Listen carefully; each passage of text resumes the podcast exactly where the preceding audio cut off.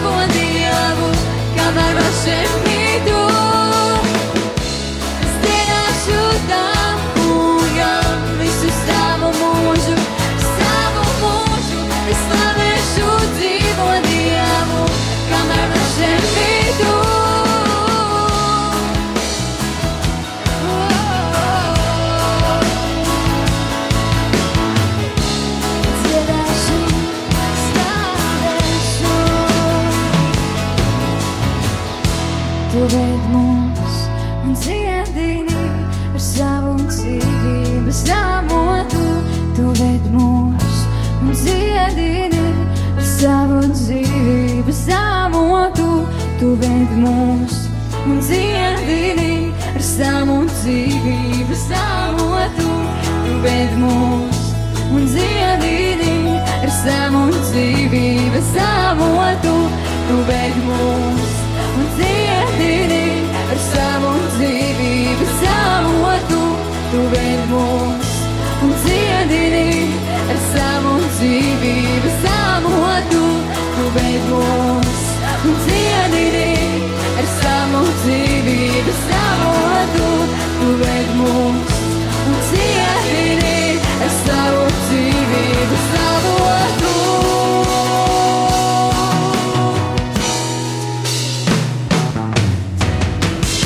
Es tiešām tam kungam visu savu.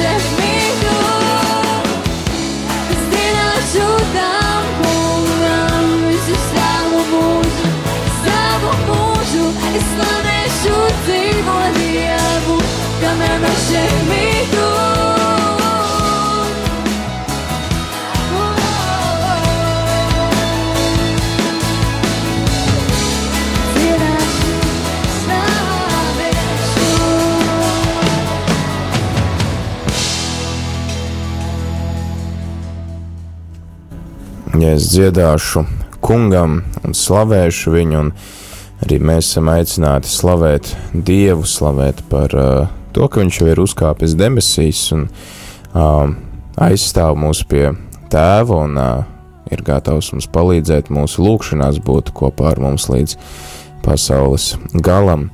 Slavējam arī par uh, visu skaisto dabu, ko viņš ir radījis, ko viņš mums ir devis. Uh, kura mums atklāja Dieva skaistumu, Dieva godību, un tāpēc arī mēs iedziļināmies šajā pāvesta Franciska aicinājumā rūpēties par dabu un meklēt visiem kopā risinājumus, kā, jā, kā rūpēties par dabu, kā to saudzēt, kā to saglabāt arī nākamajiem, nākamajām paudzēm, kas būs pēc mums. Un šajā trešajā nodaļā par uh, antropocentrisma uh, krīzi un efektiem mūsdienu pasaulē pāvests uh, saka, vien, vienu no spilgtākajām frāzēm šajā dokumentā, kur viņš saka, ja realitātē netiek atzīta vērtība, kas piemīt nabadzīgam cilvēkam, cilvēka embrijam, persona, uh, personai ar invaliditāti, aprobežojamies ar šiem, daž, aprobežosimies ar šiem dažiem piemēriem, uh, tad ir grūti saklausīt arī pašas dabas vaimanas. Pāvests vēlreiz atgādina to, ko viņš jau bija teicis ievadā, ka uh, viss ir ļoti cieši saistīts mūsu attieksmi vienam pret otru, un līdz ar to attieksmi pret apkārtējo dabu. Atcerēsimies to, ka pāvests bieži vien lieto šo terminu izmešanas kultūra, aizmešanas kultūra, ka tas, kas man vairs nav vērts, kas man nav parocīgs, kas uh, kurā ir jāiegulda kāds darbs vai kāda piepūle, ka es to vienkārši izmetu ārā un ņemu kaut ko jaunu. Un tas attiecās ne tikai uz lietām, ko mēs metam ārā, varbūt pirms vēl tās ir pārstājušas mums kalpot. Tāpat arī mēs izturamies pret cilvēkiem, kas mums nav vērti, kas mums liek iziet no mūsu komforta zonas, kas mums liek varbūt piepūlēties un kurus mēs vērtējam tikai pēc tā, ko viņi ir Um, var vai vairs, vairs nevar izdarīt mūsu labāk, viņi vairs uh, nedod mums it kā nekādu labumu, un tāpēc arī, jā, kā pāvests saka, tiek aizmirsts vecais cilvēks, uh, paiets garām nabadzīgam cilvēkam, uh, aizmirsts par cilvēka embriju cieņu un uh, personu ar invaliditāti, uh, kas, uh, jā, vienkārši šie cilvēki, kas tiek nu, savā ziņā atstumti. Un līdz ar to nav jābrīnās, ka mums ir arī līdzīga attieksme pret dabu. Un, tāpēc ir jā, jāpatur prātā, ka mūsu attieksme vienam pret otru ir cieši saistīta ar attieksmi pret apkārtējo vidi. Un, jā, tad pāvests arī saka šādus vārdus, kad mēs mēģinam sevi iecelt par absolūtiem valdniekiem, mēs graujam savas eksistences pamatus un tā vietā mums vajadzētu mācīties sastrādāties ar Dievu būt par Dieva līdzstrādniekiem šeit virs zemes, būt par Dieva līdzstrādniekiem, rūpēs par vienam par otru, rūpēs par apkārtējo vidi, kurš īsnībā ir galvenais autors tam visam, un kurš mums ir uzticējis šo savu autoritāti, turpināt šo darbu, turpināt rūpēties par, par vidi, rūpēties vienam par otru, tādā veidā izpildīt viņa gribu, jo bieži vien dieva griba piepildās caur, caur cilvēkiem, ka viņš dalās ar mums savos pienākumos, viņš dalās ar mums savā autoritātē, viņš dalās ar mums uh, savā misijā. Un, uh, tas arī ir tāds savā veidā mīlestības, uh, mīlestības izpausme no dieva puses, kur mums ir jānovērtē un kur mums arī jācenšas uzticīgi arī, uh, kā jūs minēju, sadarboties ar dievu, lai uh, šis darbs, ko mēs veicam, tiešām nestu godu Dievam, un ka visi tie lēmumi, ko mēs pieņemam ikdienā, būtu saskaņā ar Dieva gribu, kurš tad arī ir visa, visa autors un visa uh, pamats. Uh, jā, tāpēc arī pāvests, uh, pāvests vēlreiz aicina uh, īpaši pievērst uzmanību uz uh, uz šo antropocentrismu krīzi, uz šo te um, cilvēku izpratnes un uh, cilvēku vietas atrašanu dabā, ka cilvēks ir īpašs ar savām zināšanām, ar gribu, ar brīvību un atbildību, bet uh, ka viņš nav, uh, nav vienīgais šajā pasaulē, viņš nav uh, tas, kuram viss uh, tikai pakļaujās, bet kas arī savā ziņā pastāv kopā ar cilvēku. Un par ko cilvēkam ir jārūpējās. Un uh, pāvests tāpēc arī runā par to, ka mums ir uh, jāmaina savu domāšanu, mums ir uh, jāmēģina stāties, jā, atjaunot tādas autentiskas attiecības ar Dievu, un uh, viņš arī runā par tādu mūsdienas šizofrēnijas pazīmēm, ka no, sevi, no vienas puses mēs sevi apjūsmojam, apjūsmojam savus tehnokrātiskos prātus, šīs tehnoloģijas, kas uh, mums palīdz un uh, no kurām mēs pat varbūt arī esam lielā mērā kļuvuši atkarīgi, bet tāpat laikā arī tiek no, savu vērtību tiek noliegt. Un uh, no vienas puses mēs sabrīnojam, cik daudz mēs varam, no otras puses mēs uh, nicinam savu vērtību un uh, bieži vien cilvēki nenovērtē to, cik vērtīgi viņi ir paši sevi, nevis vienkārši tajā, kas viņiem ir, kas viņiem pieder, bet ka viņi ir vērtīgi paši sevi, par ko mēs esam runājuši arī iepriekš, īpaši, kad mēs runājām par šo Jāņa Pāvila II aicinājumu apzināties laju vērtību baznīcā un sabiedrībā. Tur arī tika runāts par to, ka cilvēks ir vērtība pat, nu, pats sevi, ka viņš, viņam nav jāpierāda sevi. Ar faktu vien, ka viņš jau ir, viņš jau ir vērtīgs, viņš ir Dieva acīs īpaši dārgs, jo Dievs viņu ir radījis, viņš viņam ir piešķīris visu cilvēcisko cieņu un mūsu cilvēcisko cieņu nevairo vai nemazina tas, ko mēs varam vai nevaram, kādi talanti mums piemīt vai nepiemīt, un uh, cik daudz uh, varbūt kaut kādus praktiskus uh, labumus mēs varam dāvāt uh, sev vai citiem. Tas galīgi neietekmē mūsu cieņu. Un uh, to mums arī pašiem ir svarīgi apzināties ikdienā, kad varbūt uh, gribās, uh, gribās spēt kaut ko darīt tādu, ko mēs nespējam darīt, uh, um, vai, vai kad gribās kaut ko paturēt īpašumā tādu, ko mēs nevaram paturēt, kad atcerēties to, ka es esmu vērtīgs Dieva acīs tāds, kāds es esmu, un viņš mani mīl tādu, kāds es esmu. Protams, ka tas, nu, mums ir jānosprauž sev mērķi, protams, uz kuriem iet un augsti mērķi, un jāizaicina pašiem sevi un jāmēģina sevi vienmēr kaut kā pilnveidot un pārkāpt pāri savām robežām, bet jāatcerās ir to, ka Dieva acīs es esmu vērtīgs, tāds kāds es esmu, un galvenais, kas man ir jādara, man tiešām jācenšas ir dzīvot saskaņā ar šo viņa gribu, šo plānu, ar kādu Dievs ir radījis mani un visu pasauli, censties izprast savu aicinājumu un tad iet saskaņā ar šo savu aicinājumu.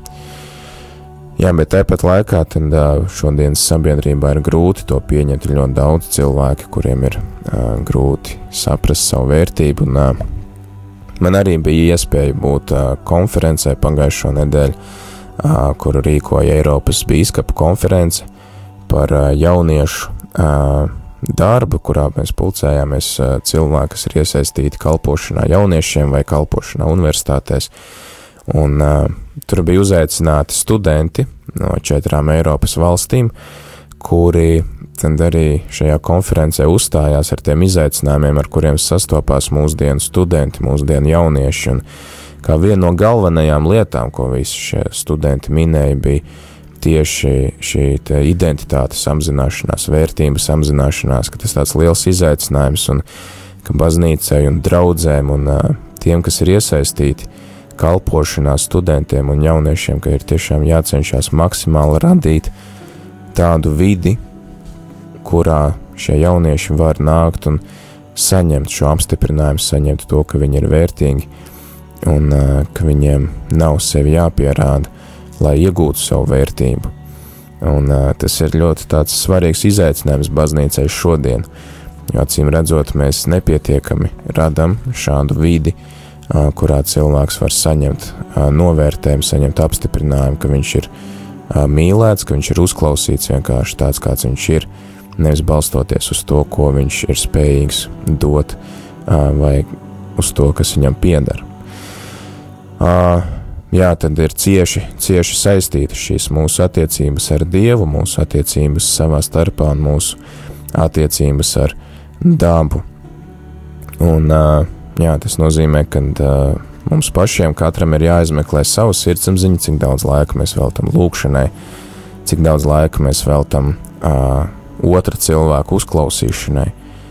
Pat ne sarunai ar otru cilvēku, vienkārši cik daudz veltu laiku uzklausot otru, un, protams, arī cik daudz vietas manā sirdī ir rūpēm par apkārtējo vidi, rūpēm par dabu. Bet tagad laiks dziesmas pārtraukumam.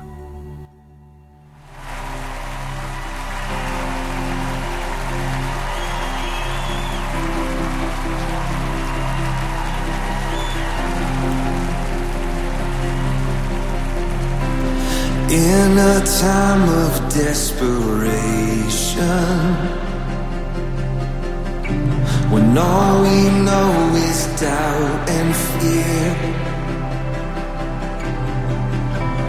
there is only one foundation. We believe, we believe. in this broken generation.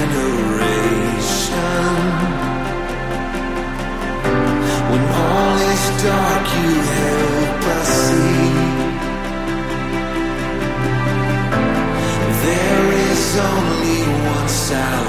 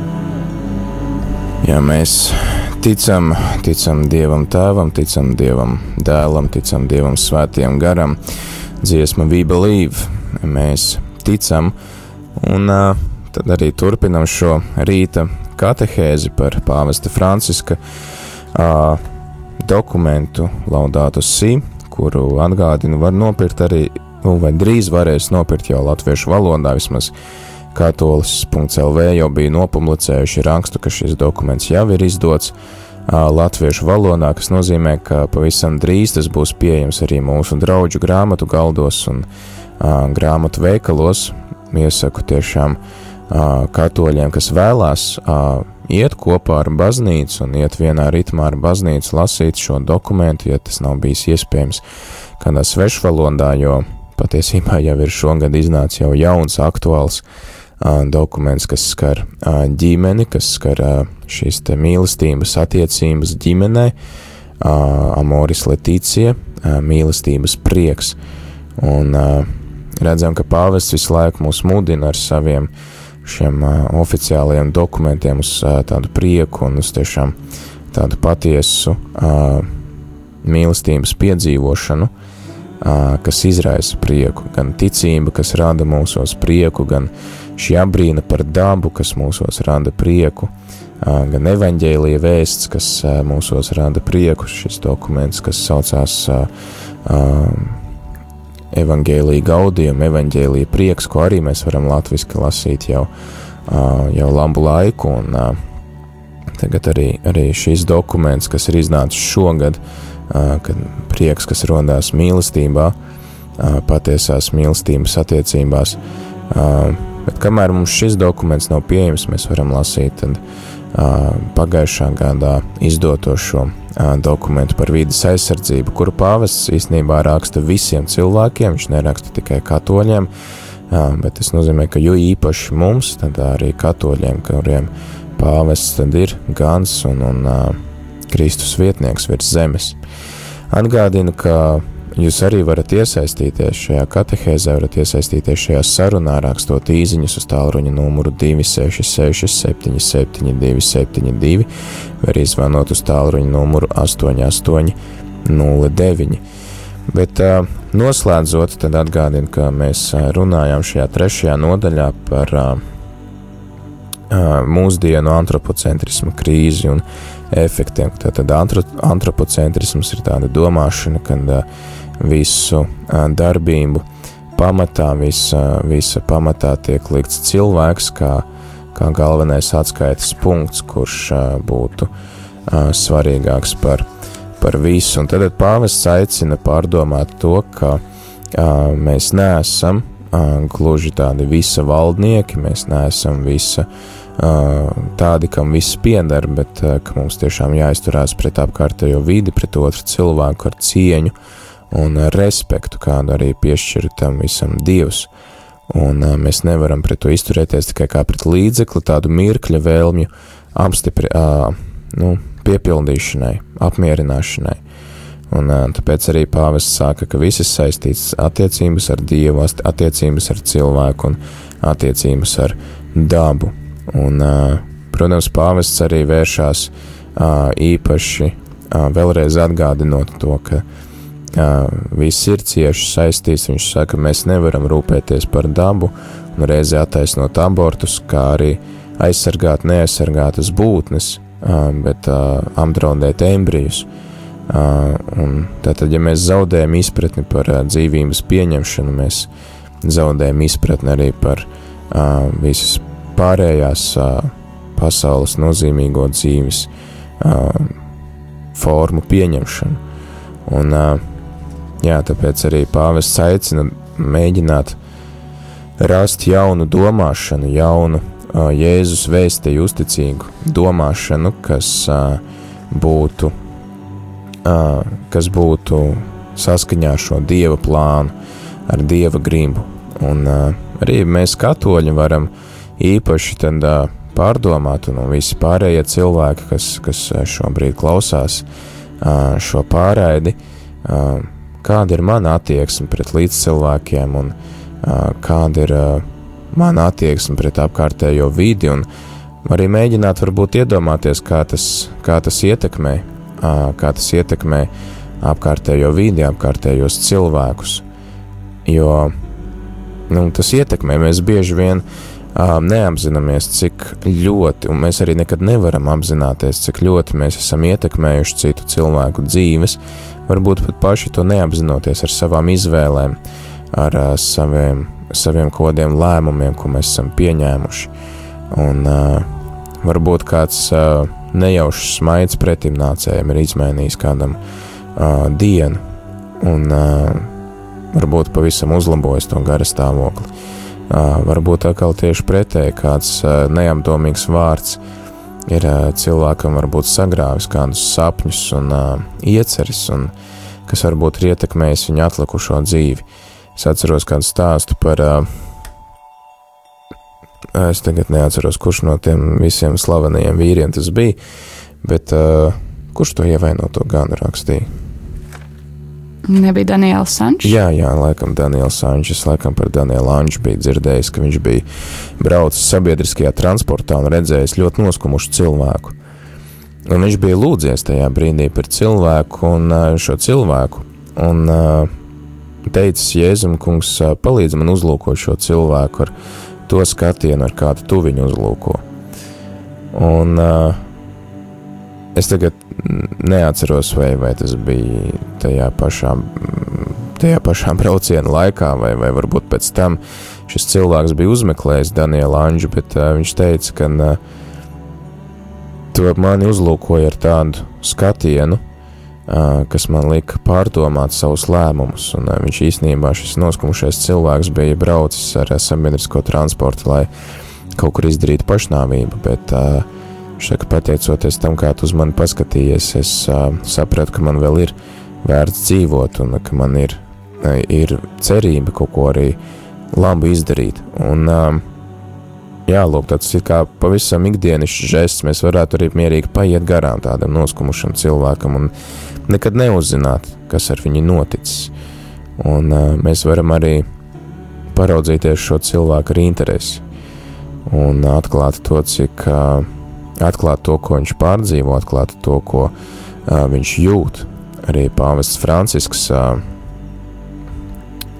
pēdējā laikā tieši ar uzsver šo līdzjūtību un uh, pagājušās nedēļas trešdienas audienci, ko es arī citēju, uh, kad mēs uh, svinējām svētām, svēto apustuļu Filipu un Jēkama svētkus, kad arī pāvests runā par to, ka mēs esam aicināti ne tikai zināt to, ka Dievs ir žēlsirdīgs, ka Dievs ir labs, bet mēs esam aicināti arī to mēģināt ieviest praksē, ieviest ikdienā, tieši ar to, ka mēs arī mācāmies, kā Jēzus būt empātiski, būt līdzjūtīgi, ka mēs, protam, ciest līdzi šiem cilvēkiem, Nesen redzēju kādā katoļu ziņu portālā tādu virsrakstu, ka pāvests runā par tādu asaru teoloģiju. Ka tas tāds gan arī izvēja jauns, jauns virziens pāvestam ir asaru teoloģija, kurā tad, jā, pāvests aicina tiešām nepaiet garām cietējiem, aicina nepaiet garām cilvēkiem, kuriem ir um, nepieciešama uh, palīdzība, nepieciešams vienkārši otrs cilvēks blakus. Uh, kurš ir kopā ar viņu. Un, jā, tas arī ir mūsu, mūsu aicinājums censties saprast otru, censties redzēt to skaisto, to vērtīgo, ko viņā redz Dievs, un kādēļ Dievs bija gatavs pat kļūt par cilvēku mūsu vidū un pat atdot savu dzīvību par šo cilvēku, kuru varbūt mēs maz novērtējam, kuru varbūt mēs ikdienā neievērojam bet Jēzus bija gatavs par viņu atdot savu dzīvību, Jēzus bija gatavs viņu glābt. Un arī par mums tas arī apzina, ir aicinājums mums apzināties savu vērtību un apzināties to, cik mēs esam labi un skaisti un forši, un mēs arī šodien varam sev paskatīties spogulī uz sevi un teikt, ka teikt pašam sev, tu esi foršs, tu esi labs, tu esi skaists vai skaista, un tu esi vērtīgs vai vērtīga. Un neatkarīgi no tā, ko tu vari vai kādas izvēles tu esi ikdienā izdarījis, varbūt pat visbriesmīgākās izvēles, tomēr tava cieņa no tā nemazinās. Protams, ka mēs esam aicināti dzīvot saskaņā ar šo savu cieņu un aicināt arī citus to darīt. Uh, jā, bet tas jau ir mūsu pašu ikdienas izvēles. Tālūk, īsumā par, šīm, par šo pāvesta nodaļu, par antropocentrismu, šīm krīzēm un uh, izaicinājumiem. Atgādinu, ka tālruņa numurs studijā ir 8809 un telefona numurs īsiņām ir 266 77 272 un mēs ar veltu būsim gatavi mēģināt jums atbildēt uz jūsu jautājumiem, vai ne? Jā, noteikti gaidīsim un priecāsimies par turpmāko sarunu. Jā.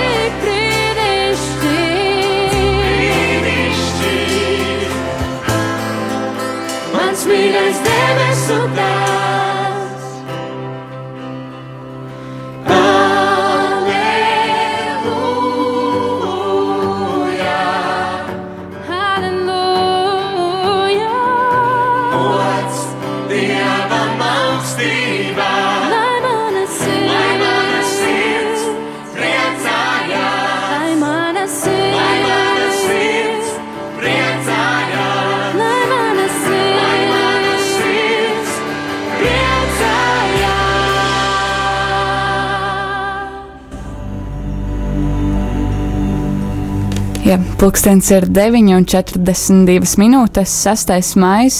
Turpinām šī rīta katehēzi ar sarunu, kurā varat iesaistīties jūs. Esam jau saņēmuši uh, vairākas īsiņas, bet vienmēr ir iespēja uzdot vēl kādu jautājumu. Atgādinu, ka tālruņa numurs ir īsiņām ir 266, 772, 72. Savukārt, ja vēlaties uzdot jautājumu zvanot, tad varat to darīt uz tālruņa numuru 8809.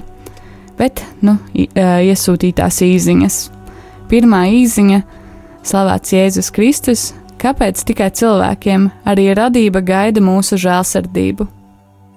Protams, bet um, tas jau arī ir tas, ko es, tas, ko es mēģināju uh, nu, uzsvērt no šī pāvesta teiktā, ka tas viss ir cieši saistīts. Žēlsirdība pret cilvēku ir saistīta ar žēlsirdību pret dabu.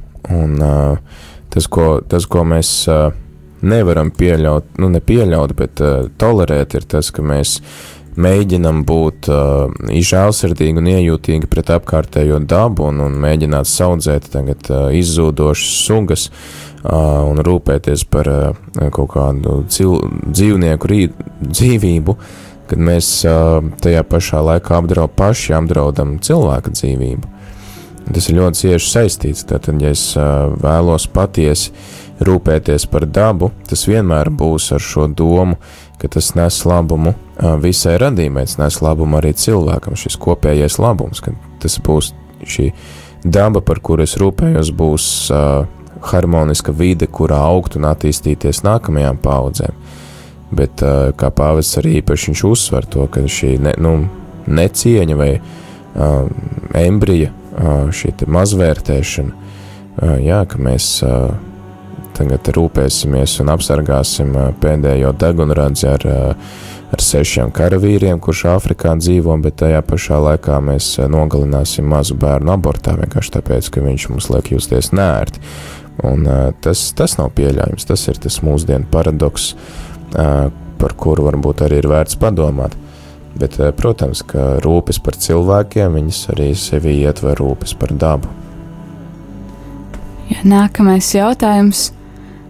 Kā tu vari iepriecināt, ja pats esi skumjās un tev būtu nepieciešams iepriecinājums? Nu, viens ir, eh, protams, meklēt pašam šo iepriecinājumu un uh, meklēt iemeslu, kāpēc man ir šīs skumjas, jo bieži vien arī šīs skumjas rada uh, pašā, pašā sākumā, kad mēs sākām rādio un kad sākās decembrī arī šīs katehēs, tad mēs runājām par žēlsirdības darbiem, un tieši bija šis žēlsirdības darbs iepriecināt skumjās esošos. Bieži vien arī skumjas rodās mums vienkārši tāpēc, ka mēs skumstam par to, ka mums kaut kas nav, bet kas mums nav vajadzīgs. Tādas skumjas, kas rodās aiz skaudības, vai skumjas, kas rodās aiz tā, ka mēs neprotam novērtēt to, kas mums ir. Un tāpēc aicināt vispirms izvērtēt, no kā man šīs skumjas rodās. Protams, skumjām var būt arī objektīvs iemesls, ka tiešām ir noticis kaut kas tāds, kas nu, galīgi man neļauj priecāties. Um, bet uh, tad arī ir iemesls tiešām nu, meklēt šo skumju iemeslu, un uh, tad arī meklēt risinājumu. Meklēt, uh, viens ir uh, lūkšanā, lūgt Dievam, lai Viņš mani atbrīvo no šīm skumjām, uh, jo Dievs noteikti nav tas, kurš dāvā skumjas. Protams, varbūt skumjas par savu grēcīgumu, tas atkal ir bijis citādāk, tas ir uh, man sirdsapziņa, kas runā uz mani un kas man liek iet pie grēka sūdzes un kas pat ir savā ziņā tāds, tāds pozitīvs, bet uh, šīs skumjas uh, par mūsu grēcīgumu, viņas noteikti mūs neved bezcerībā. Dievs uh, mums uh, nedāvā šo grēku apziņu, lai mēs uh, lai mēs kļūtu bezcerīgi un lai domātu tagad par to, ka mēs esam nolemti mūžīgai pazušanai, bet par to, lai mēs steigtos pie viņa un lai mēs steigtos pie viņa pēc palīdzības, lai mēs steigtos uz grēku sūdzi, lai mēs nožēlotu. Tāpēc Dievs mums dod šo grēku apziņu, bet nevis bezcerībai. Un uh, es domāju, ka tad uh, ar šīm skumjām, jā, ka mēs, uh, mēs vispirms lūdzam Dieva palīdzību, mēs lūdzam, lai Dievs mūs iepriecina, lai Dievs mums dāvā šo svētā gara prieku. Uh, Tagad arī mēs gatavojamies, gatavojamies vasaras svētkiem, svētā gara nosūtīšanas svētkiem.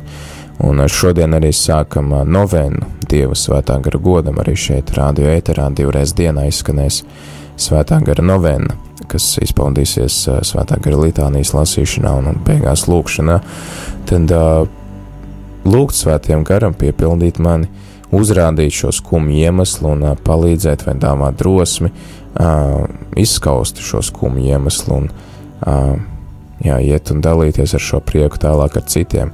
Bet tas, tas, kas mūs noteikti var iepriecināt, ir tas, ka mēs darām labu citiem. Jo, kad tu dari labu citam, tas dod tev šo gandarījumu sajūtu, un, un kad tu gūsti gandarījumu sajūtu, tas tevi izraisa prieku. Tā kā es domāju, arī, arī skumjās esot, mums ir jāmācās sev kāpt pāri, kāpt ārpus šīs sava komforta, kur mēs varbūt gaidām, ka mūs žēlos, ka mūs mīļos, bet tā kā arī svētie raksti saka, dari otram to, ko tu gribi, lai tev dara. Un tiešām censties, tad varbūt kādam, kādam arī mēģināt izdarīt kaut ko labu, kas var nest mums arī pēc tam atpakaļ šo prieku, kad mēs esam kādu iepriecinājuši. Nē, tu katehēzē minēji par šo secinājumu, ka jauniešu lielākā problēma ir savas vērtības un identitātes apzināšanās, bet kādi tad ir tie risinājumi, ko baznīca piedāvāja vai vēlas piedāvāt? Jā, nu, šajā konferencē mēs tieši bijām sapulcējušies, lai meklētu šos risinājumus, meklētu šos, šīs atbildes. Un, kas man tiešām ļoti patika, bija tas, ka ir nevis tagad sapulcējušies kādi baznīcas pārstāvji un kalpotāji, kas runā par jauniešu um, šiem izaicinājumiem, bet ir paši jaunieši, kuri izsaka to savu sāpju. Un, uh, tā arī tas tāds, tāds labs, nu, labs veids, kas man parādīja, ka kā meklēt risinājumus, ka es nevis tagad no malas skatos un, un saku, tev ir šī tāda problēma, vai tev ir tāda problēma, ka nē, es vispirms prasu, kas ir tas, ko tu vēlies, un kas ir tie izaicinājumi, ar ko tu saskaries. Un es domāju, ka tas arī ir tas, ko mēs varam katrs mācīties savā ikdienā un mūsu draudzēs, jā, kad konkrētai arī draudzes grupai prasīt, kas ir tās jūsu vajadzības. Un baznīca arī paši šie jaunieši piedāvāja šos risinājumus, un es saku, tas tā galvenā atziņa bija radīt šo vidi, vai ka ir tādas vietas, ir tādi cilvēki, pie kuriem šie jaunieši var vērsties ar saviem jautājumiem, kur viņi zina, ka viņi netiks nosodīti, kur, jā, varbūt viņi tiks izaicināti, jā, tu saņemies, tu ej tālāk, maini savu attieksmi, bet kur viņš tiks pieņemts tāds, kāds viņš ir. Ar, ar, ar, visām, ar, visām, ar visām skumjām, ar visu to savu identitātes krīzi, ar visu savu nespēju pieņemt lēmumus, ka viņš tiek pieņemts, bet tāpat laikā viņš tiek vests pretī, pretī kaut, kam, kaut kam jaunam, kaut kam, kas viņu arī izaicina, bet kas viņam dod cerību kaut ko mainīt savā dzīvē. Un tā, jā, tā galvenā atziņa bija tāda, ka nu, pietrūkst, jauniešiem pietrūkst vietas, uz kuru var viņi aiziet un uh, saņemt vienkārši šādu iespēju uz, tikt uzklausīt. Pietrūkst cilvēku, kas vienkārši viņus uzklausa, tāpēc, ka viņi ir, nevis tāpēc, ka viņi ir kaut ko pastrādājuši vai nav pastrādājuši. Latvijā mums, piemēram, vēl uh, vispār nav tāds uh, universitāšu pastorālis. Ir, jā, nu, teiksim, citur ir ir studenti vai, vai kādi kapelāni, kas gan arī katrā augstskolā vai katrā kojās ir atrodami dienesta viesnīcās. Es atvainojos. Literārs vārds būtu dienesta viesnīca, nevis kojas. Bet es domāju, ka visi man saprata. Uh, jā, tā kā tie risinājumi ir ļoti daudz un dažādi. Un, uh, tiešām mm, tas galvenā, galvenā atziņa bija tā, ka uh, radīt pēc iespējas vairāk vietas, kur cilvēks var tikt uzklausīts, kur viņš var tikt pieņemts un kur viņš var arī saņemt kādu garīgo vadību. Protams, arī lai tā nekļūst par tādu parazitēšanu, ka tagad cilvēks tev nāk un uzkraujas laiku tavus savas, savas problēmas un gaida, ka tu viņas risinās. Protams, katrs pats risina, bet ir svarīgi, ka mēs to varam darīt kopā ar kādu un ka ir kāds, kas mani pavada. Tie ir arī tas svarīgi tā atziņa par šo garīgo vadību, ko es arī esmu ik pa laikam atgādinājis, ka, ja mums katram ir šis garīgais pavadītājs, garīgais līdzgaitnieks, ka tas jau daudz ko dod.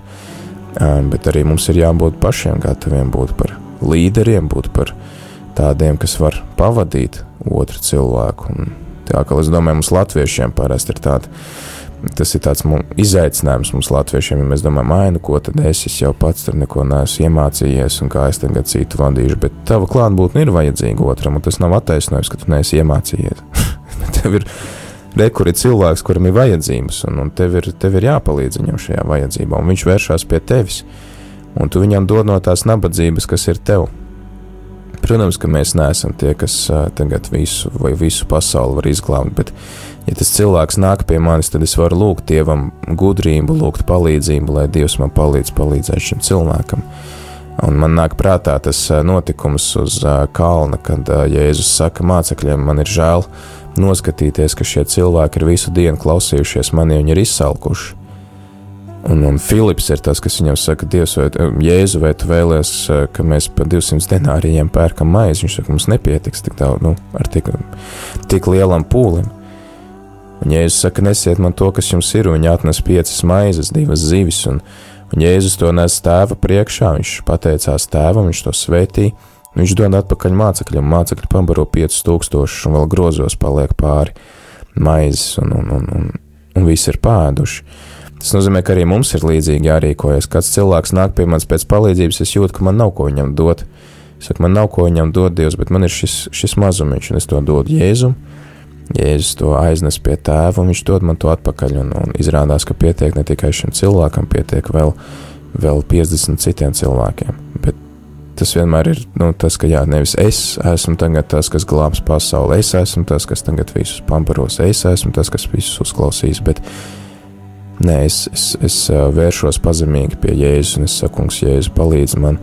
Palīdzēt šim cilvēkam, palīdz man būt viņam par atbalstu, palīdz viņam būt par tavas žēlsirdības liecinieku, uz ko arī mums īpaši atgādina šis žēlsirdības gads, kas ir tagad. Un, nu, varbūt tas tā ļoti vispārīgi skan, bet tas ir tas ceļš, ko mēs arī pārunājām, kas būtu jāiet, lai varētu palīdzēt šiem cilvēkiem, kas ir identitātes īpaši jauniešiem, kas ir šajā identitātes krīzē, kas meklē savu aicinājumu kas meklē savu vietu pasaulē. Tur arī bija daudz citu izaicinājumu, darba problēmu. Um, studentu vidū, kad studentiem netiek, nu, nav iespēja atrast pienācīgu darbu saskaņā ar savu izglītību, un, un um, dažādi arī izaicinājumi, kas saistīti ar mūsdienu popkultūru, ar pornogrāfiju un, un dažādiem citiem izaicinājumiem. Tā kā, jā, ir daudz ko darīt. Varbūt tās arī, kā pēdējo jautājumu var tev jautāt, kas, kas tad ir jāmaina sevī vai savā kopienā, lai kļūtu par šo vietu vai vidi, kurā nav nosodījuma? Nu, droši vien iekost sev mēlē katru reizi, kad tu, tu neesi tāds, tu neesi šī tāds, vai paskaties, ko tu esi izdarījis, bet vienkārši labi, ok, runā un nāc un esi. Līdzīgi kā Jēzus, jā, pie viņa atveņš šo sievieti, kas ir uh, laulības pārkāpēja, un viss, ko viņš dara, viņš vienkārši velk ar pirkstu smiltīs un viņš ļauj tai sievietei būt sev blakām. Viņš viņu nezina projām. Un, uh, un pēc tam viņš viņai saka, jā, tu, tu esi grēkojusi, bet tu eju tā vairāk nedari. Un viss. Un, un es domāju, ka tas arī mums ir jāmācās, kad uh, nevis paskaties, kā tu esi darījis, ko tu esi, kā tu esi grēkojis, ārprāt šausmas, kā tu izskaties. Un, uh, Man, es saku, man viens no izcilākajiem piemēriem ir tas, tas, ko es piedzīvoju, kad mēs ar brāli bijām, kad es apmeklēju brāli, un kad vienkārši atnāca, ka es biju aizgājis šo dievkalpojumu, šo misiju, kurā bija visi, visi priesteri un bija sapulcējušās pārstāvi no visām, visām tās diecējas draudzēm Jamaikā, un, un bija, bija mise ar bīskapu kopā, tā bija Krīzmas mise, un pirms lieldienām, un Mani draugi, kas bija pie jūras tajā brīdī, viņi bija atnākuši. Nu, mēs sarunājām, ka viņi, ka viņi beidz tur sauļoties un peldēties. Viņi atbrauc man pēc svētās misijas savākt, un mēs braucam uz lidostu, jo tā bija pēdējā diena. Un uh, viena meitene, viņa vienkārši bija ietinusies dvielī, jo, nu, Ziniet, kā tagad no jūras uzreiz pārģērties, lai pēc tam brauktu mājās, nakal pārģērtos un braukt uz lidostu. Un viņi negribēja iet iekšā baznīcā, jo viņi, nu, būdami kārtīgi katolieti, apzinājās, ka taču, nu, tur cilvēks pelkostīmā dvielī nevar iet baznīcā, vai ne? Un kas bija interesanti, ka šie cilvēki jau nezināja, ka viņi ir mani draugi. Draudzē un, un, un biskups un vispārējiem, bet tas bija tieši biskups, viens no pirmajiem, kas ieraudzījis vienkārši jaunus cilvēkus savas katedrālas tūmā. Viņš saka, laipni lūgti, nāciet, apskatiet baznīcu, apskatiet katedrālu, no kurienes jūs esat. Un, un tad tikai viņi pateica, ka nu, mēs esam rekurbi Pētera draugi, mēs atbraucām viņus savākt. Viņš, o, oh, forši. Un, un, un, un tas man bija tāds, tāds labs piemērs tam, kad. Uh, Un viņš nezināja, ka viņi ir kristieši, ka viņi ir katoļi. Un, un tā viņš teica, lūdzu, nāciet, apskatiet, un nestāviet šeit ārā. Un, un, jā, un tad, Protams, ka mums tagad nevajag veicināt to, ka, ja nāciet peltkostīmā uz baznīcu, bet vienkārši tas, ka šis pirmais solis nav tas, ka tev pasties, kā tu esi apģērbusies, tagad lūdzu izēj ārā no šī pagalma, ja, bet lūdzu nāc iekšā un, un, un, un šī laipnība ļoti uzrunāja tos, tos jauniešus, un ka viņi uzzināja, ka tas ir bīskaps, tad, nu, viņi, viņi bija vēl vairāk pārsteigti, ka viņš tā ir gatavs vērsties pie jebkura, pie jebkura svešinieka, kas ir atnācis ciemos. Es domāju, ka šis ir, šis ir veids, kas ir jāņem vērā katrai kopienai un katram cilvēkam, kas vēlas radīt tādu vidi, kurā cilvēks var atrast savu identitāti. Ja ir pienācis laiks noslēgt šo katehēzi, paldies tev, Priesteri Pēteri, paldies arī klausītājiem par iesaistīšanos. Atgādinu, ka pulkstens 10.00 turpinām ar Svētā gara novennu.